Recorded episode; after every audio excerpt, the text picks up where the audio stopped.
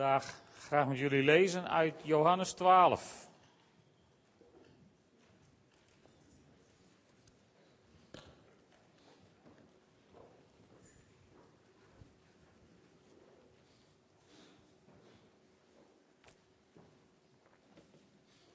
Johannes 12, vers 12 tot 19.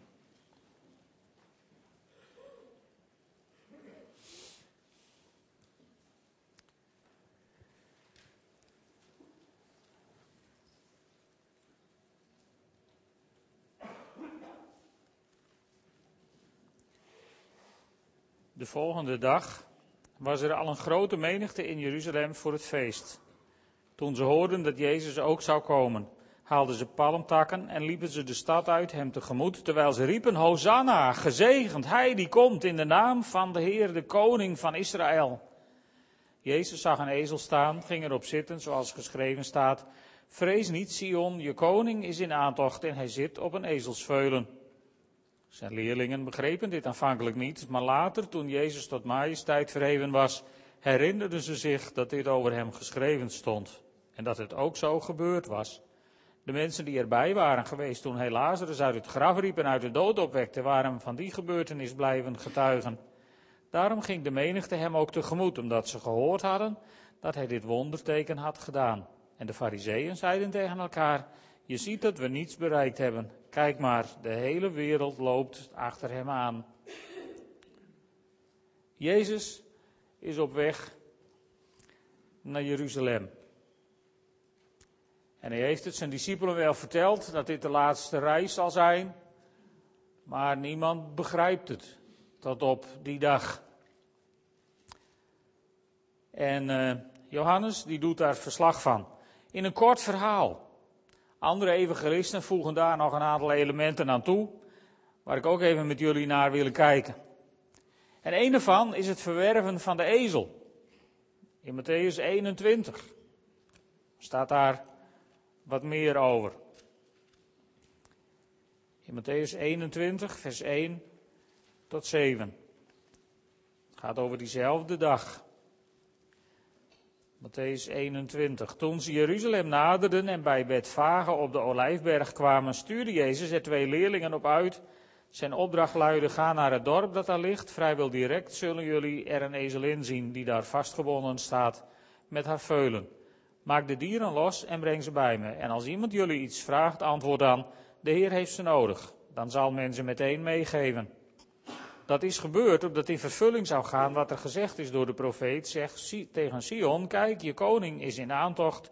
Hij is zachtmoedig en rijdt op een, ezels, op een ezelin, op een veulen, het jong van een lastdier. De leerlingen gingen op weg en deden wat Jezus hun had opgedragen. Ze brachten de ezelin en het veulen mee, legden er mantels op en lieten Jezus daarop plaatsnemen. Vanuit de menigte spreidden velen hun mantels op de weg uit. Anderen braken twijgen van de bomen en, en spreidden die uit op de weg.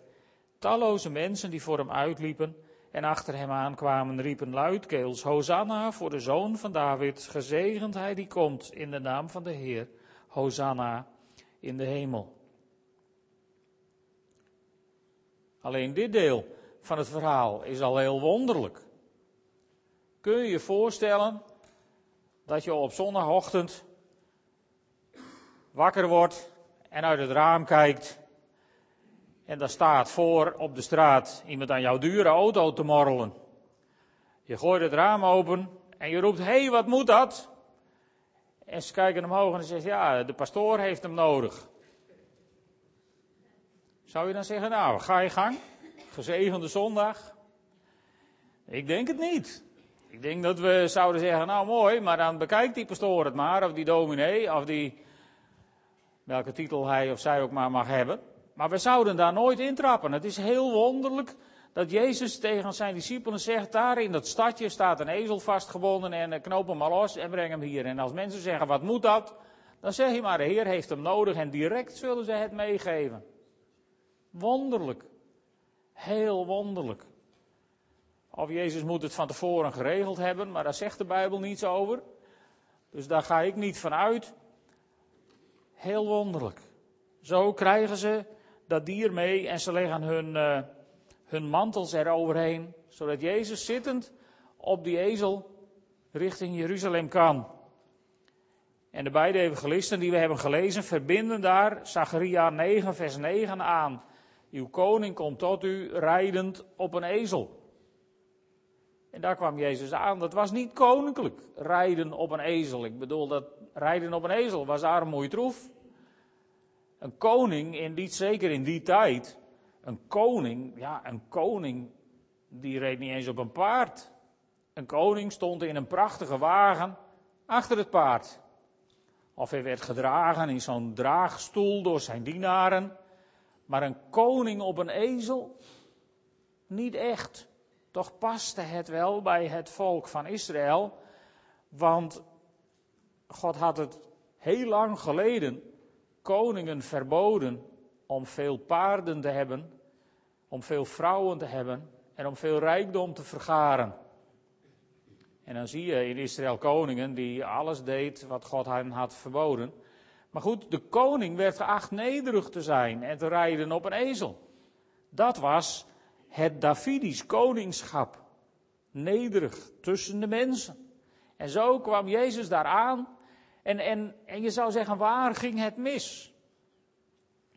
Hoe kon het dat ze vijf, zes dagen later riepen, kruisig hem?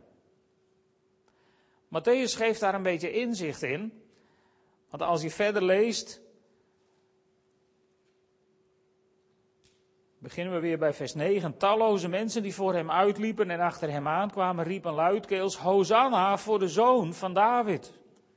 Gezegend hij die komt in de naam van de Heer. Hosanna in de hemel.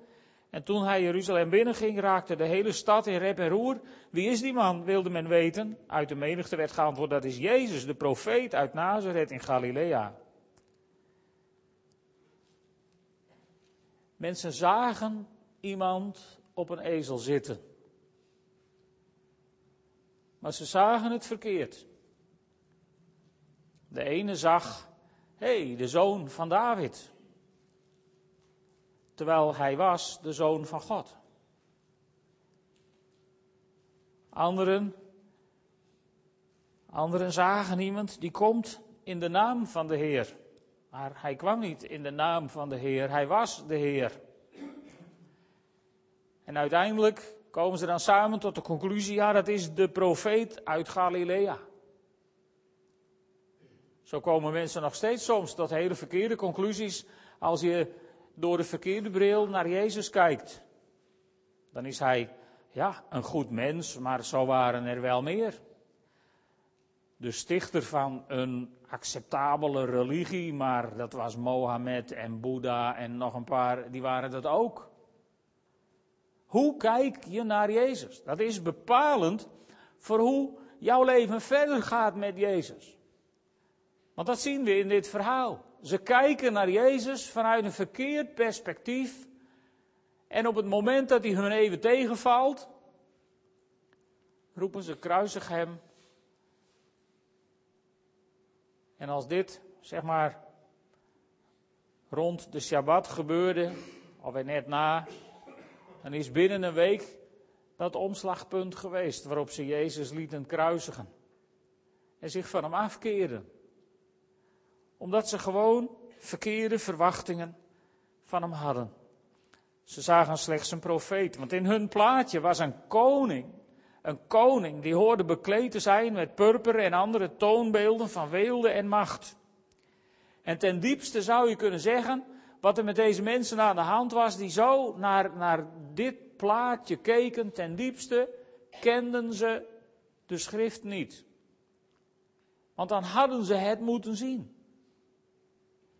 Of God had een sluier voor hun gezicht gelegd. Paulus die legt, dat, die legt dat een beetje uit in de brief aan de Romeinen. Als de Joden toen hadden gezien en Jezus als hun Messias hadden erkend, ja, dan was het anders gelopen dan het nu gelopen is. En Paulus legt in, in Romeinen uit dat God hun ogen verblindde, zodat ze niet zouden zien, opdat het evangelie over de hele wereld verkondigd zou worden en niet exclusief in Israël zou blijven.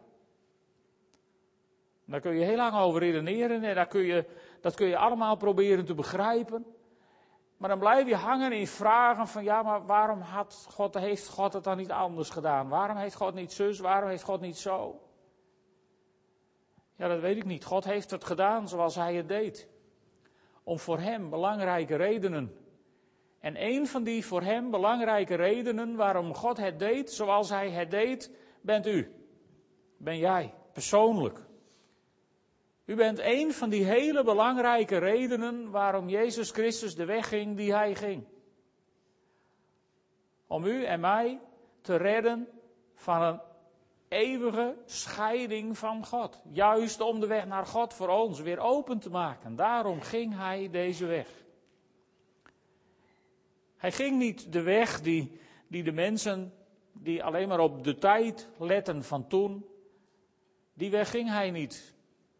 Wat hadden de Joden het graag gewild? Een koning die op een strijdwagen Jeruzalem binnendenderde met veel wapengekletter en veel gedoe om de Romeinen eindelijk het land uit te slaan en, en het land Israël eindelijk na honderden jaren zijn zelfstandigheid terug te geven.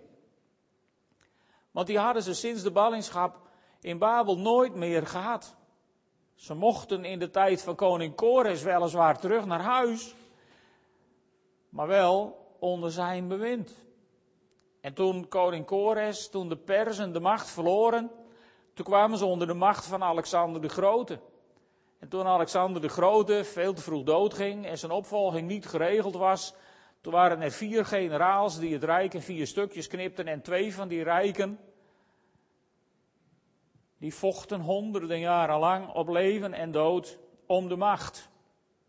Het ene rijk zat in wat tegenwoordig Syrië heet, het andere rijk zit in, wat, wat in Egypte.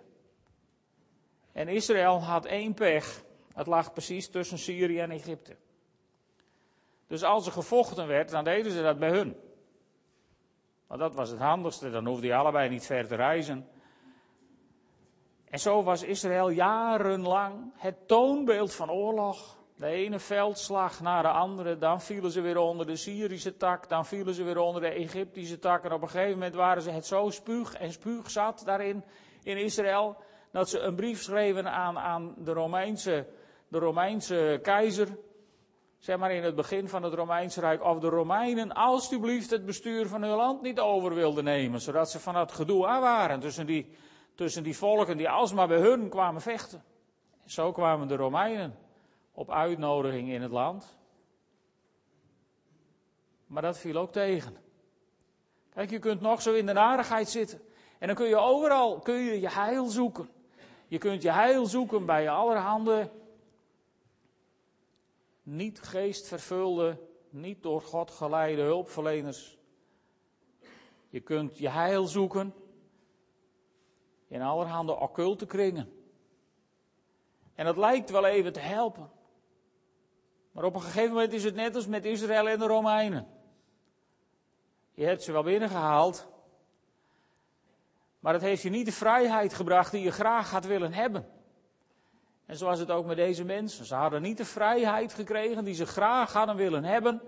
En toen kwam, de, toen kwam Jezus en, en veel mensen hebben de hoop gehad dat hij de Messias zou zijn naar hun plaatje de Messias die die Romeinen eindelijk het land uit zou slaan en dan zouden ze na honderden jaren eindelijk weer baas zijn in eigen huis. En weet je, Jezus kwam niet om mensen baas te maken in eigen huis. Jezus kwam om baas te worden in mensen hun huis. Dat was heel wat anders. Jezus kwam niet om mensen hun ultieme zelfstandigheid terug te geven. Jezus kwam juist om mensen ertoe te verleiden om hun leven in een ultieme overgave aan Hem te geven. En zo reisde hij richting Jeruzalem. En de mensen herkenden hem niet. Integendeel, de mensen zijn hevig verontwaardigd. In Matthäus 21, vers 15, daar, eh, daar lees je dat de schriftgeleerden boos zijn. Jezus heeft inmiddels de tempel gereinigd in het verhaal van Matthäus. En dan staat er de hoge priesters en de schriftgeleerden zagen welke wonderen hij verrichtte en hoorden de kinderen in de tempel Hosanna voor de zoon van David roepen. En ze waren hoogst verontwaardigd. Ze gingen hem vragen, hoort u wat ze zeggen? En Jezus antwoordde hun, jazeker. Hebt u dan nooit gelezen door de mond van kinderen en zuigelingen? Hebt u zich een loflied laten zingen? Jezus citeert altijd uit het woord. Als hij, zeker als hij met schriftgeleerden spreekt, citeert hij altijd uit het woord. En je zou zeggen, dan hadden ze kunnen weten. Dan hadden ze moeten voelen. Dan hadden ze het moeten snappen. Wat Jezus wilde zeggen. Maar omdat die sluier over hun ogen lag, omdat ze verblind waren, snapten ze het niet. Maar ze waren wel verontwaardigd. In Lucas zien we ook een stukje over die verontwaardiging. In Lucas 19, daar staat ditzelfde verhaal. En dan staat er in vers 39. Enkele fariseeën in de menigte zeiden tegen Jezus, Meester, berisp uw leerlingen. Maar hij antwoordde, ik zeg u, als zij zouden zwijgen, dan zouden de stenen het uitschreeuwen.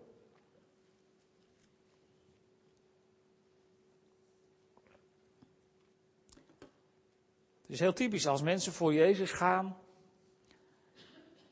in alle uitingen, dan zijn er altijd mensen verontwaardigd.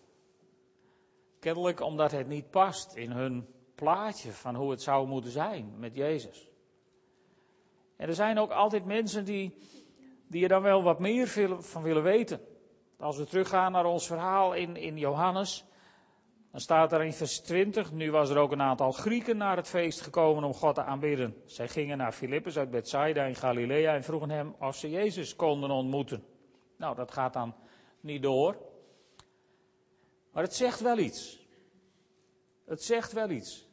Waar de Joodse mensen, de Semitische mensen, in al hun enthousiasme, weliswaar verkeerd, enthousiasme omdat ze Jezus niet als Messias herkenden nog, maar in al hun enthousiasme gingen die Joodse mensen helemaal uit hun dak. Die zwaaiden met palmtakken en die legden de weg vol met kleren en takken en groen en, en en die vierden een enorm feest en die juichten en die jubelden en die dansten zoals het volgens mij dan op zijn Israëlisch gaat. Het was gewoon één groot, spetterend feest. Maar er waren ook Grieken. Grieken.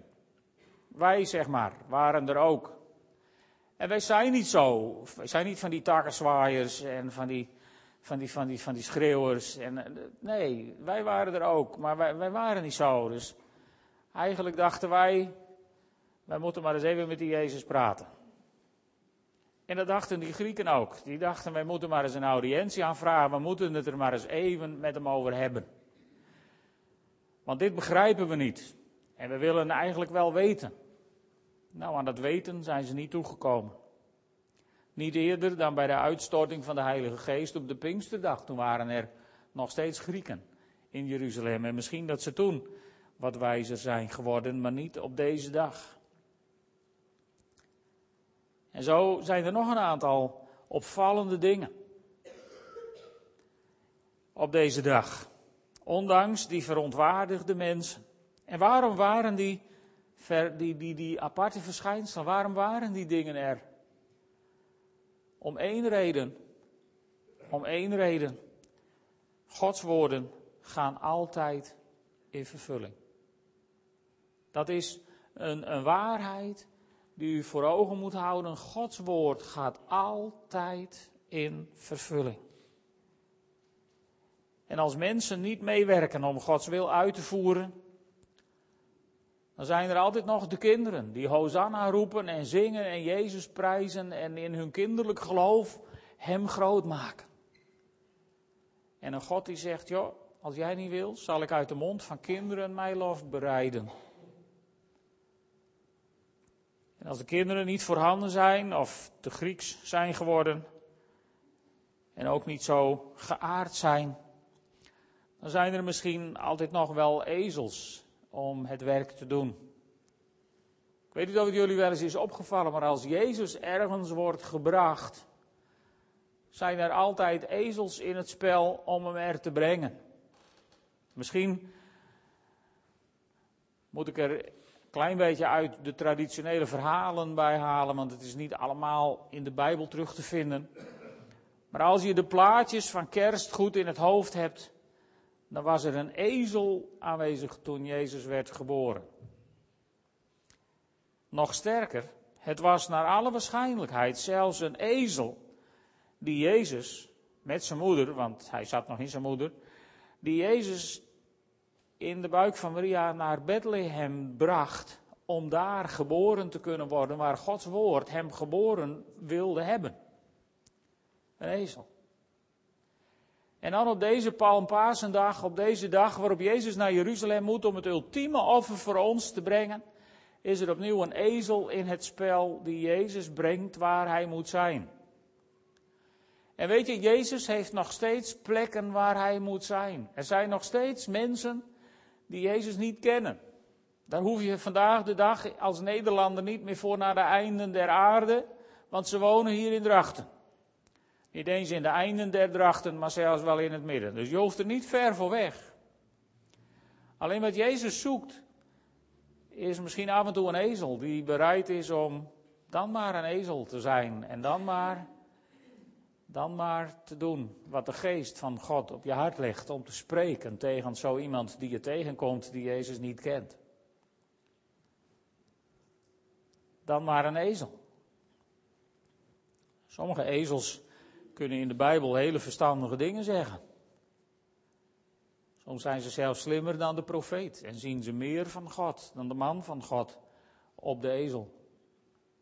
Het verhaal van Biliam kennen jullie vast wel. Waar de ezel het gevaar, de ezel de engel heeft gezien. En Biliam in al zijn geleerdheid niet.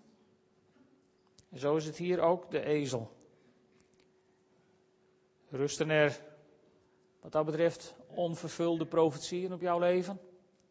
Zijn er dingen over je uitgesproken of heeft God je dingen laten zien in de Bijbel of heeft God misschien dromen en visioenen in je hart gelegd waarvan je denkt dat is niet uitgekomen? En nu ben ik te oud geworden om ze nog uit te laten komen, zo dom kun je soms denken. Je bent ten eerste ben je nooit te oud, lieve vrienden, voor God om tot zijn doel te komen. Bij God is er geen maximumleeftijd, ook geen minimumleeftijd. Bij God ben je nooit te oud. Bij God zijn jouw omstandigheden nooit zodanig dat God denkt: jammer, jammer, jammer, nu kan ik met jou niet meer tot mijn doel komen. Zo zit God niet in elkaar. Misschien wacht je nog op beloftes van God. Misschien heb je dingen van God gebeden in de volle overtuiging dat hij jouw gebed zou verhoren. En hij heeft het tot op de dag van vandaag niet gedaan. Weet je, dan is het wezenlijk om vast te blijven houden aan die belofte van God in je hart. En misschien zullen mensen dan denken, nou, dat is ook een ezel. Met zoveel, zoveel geloof tegen beter weten in. Zal ik u eens wat vertellen? Geloof gaat altijd tegen beter weten in. Want geloof gaat beter weten ver te boven. Ver te boven. En misschien zoekt Jezus gewoon een ezel om tot zijn doel te komen. Misschien mag jij die ezel wel zijn. Misschien denkt u ook wel van, beste man, je moest dus weten hoe teleurgesteld ik ben in het leven. Je moest dus weten hoe zwaar de steen op mijn hart is waar ik mee worstel om me vast te kunnen houden aan God. Je moest dus weten hoe zwaar die steen is. Lieve vrienden, misschien is de steen op jouw hart zo zwaar dat je, dat je niet in staat bent om zelf God te loven en te prijzen. Maar dan zegt Jezus, de stenen zullen het uitschreeuwen om mij te verheerlijken. Ik weet niet hoe groot de steen op uw hart is. Maar als de mens in uw God niet meer kan prijzen, dan zal op een dag de steen op uw hart het doen. Want Gods woord komt altijd tot vervulling. Er zal nooit één woord van God zijn wat niet tot zijn bestemming komt. Dat kan niet. Want God kan niet liegen en God zal niet liegen. God zal altijd doen in uw leven wat Hij gesproken heeft. En God is niet afhankelijk van de steen op uw hart. God is niet afhankelijk van de ezel in uw denken. God is niet afhankelijk van de kinderlijkheid, misschien wel in uw denken. God is niet afhankelijk van het Griekse denken, waar u en ik zo verschrikkelijk mee besmet zijn. God is daar niet van afhankelijk. Gods woord komt altijd tot vervulling. Wat u ook aan onmogelijkheden weet te bedenken, waarom het niet zou kunnen. En op een dag zal de steen op uw hart het uitschreeuwen van vreugde. Om dat wonder wat Jezus Christus in uw leven heeft gedaan. Jezus ging naar Jeruzalem om alles voor ons mogelijk te maken. En toen hij klaar was in Jeruzalem, was er geen voorhangsel meer in de tempel. Was de weg tot God voor eeuwig geopend. En konden u en ik vrijelijk in en uitgaan in de heerlijkheid van de Vader. Maar doet u dat wel eens? Is dat je dagelijkse praktijk geworden om in en uit te gaan in de heerlijkheid van de Vader? Te praten met God, te luisteren naar God, te genieten van Zijn aanwezigheid, te lezen in Zijn woord, om meer over Hem te ontdekken? Of bent u net als die Grieken die hier en daar tegen hun discipel zeggen van nou, ik wil zelf eerst wel eens met Jezus praten.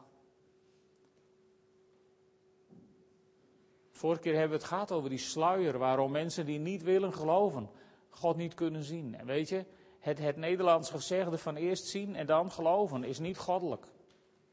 Het goddelijke principe is dat je eerst gaat geloven en dat hoeft maar een sprankje te zijn. Als je tegen God zegt, Heer, ik wil in u geloven, maar laat me dan zien dat u bestaat.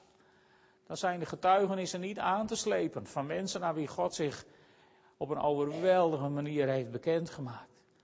Want God wil bekend worden in deze wereld. God wil niet langer gezien worden als die profeet uit Nazareth op die ezel. God wil gezien worden als jouw Messias, als jouw redder, als jouw verlosser, als degene die de eeuwigheid voor jou heeft opengemaakt, zodat je daarin mag leven. Begrijp je dat? Ik hoop het niet. In vers 16 van Johannes 12 staat zijn leerlingen begrepen dit aanvankelijk niet. Maar later, toen Jezus tot majesteit verheven was, dan staat er niet dat ze het begrepen, maar dat ze het zich herinnerden. God is niet altijd te begrijpen. Het is belangrijk dat je je Gods woord herinnert, dat Gods woord je eigen is geworden, maar Gods woord is niet altijd te begrijpen. Want in dit verhaal lag het probleem niet bij de discipelen die het niet begrepen. Het grote probleem lag bij de geleerden die meenden dat ze het begrepen en daardoor niet meer luisterden naar wat God te zeggen had. Ik weet niet wat God in uw leven nog aan onvervulde dingen heeft liggen. Maar dat weet u zelf wel. Dingen die hij hem hebt gevraagd, dingen die hij heeft laten zien in zijn woord, dingen die hij misschien door een profetisch woord van iemand anders aan je heeft meegegeven. Maar als je nog wacht op dingen die in vervulling gaan, Gods woord komt altijd tot vervulling. Want andere wegen zijn er bij de Heren niet. Zullen we gaan staan en samen bidden? Vader in de hemel, u kent ons zoals we hier zijn. Heer, u weet wie van ons zich af en toe zo, zo kinderlijk voelt.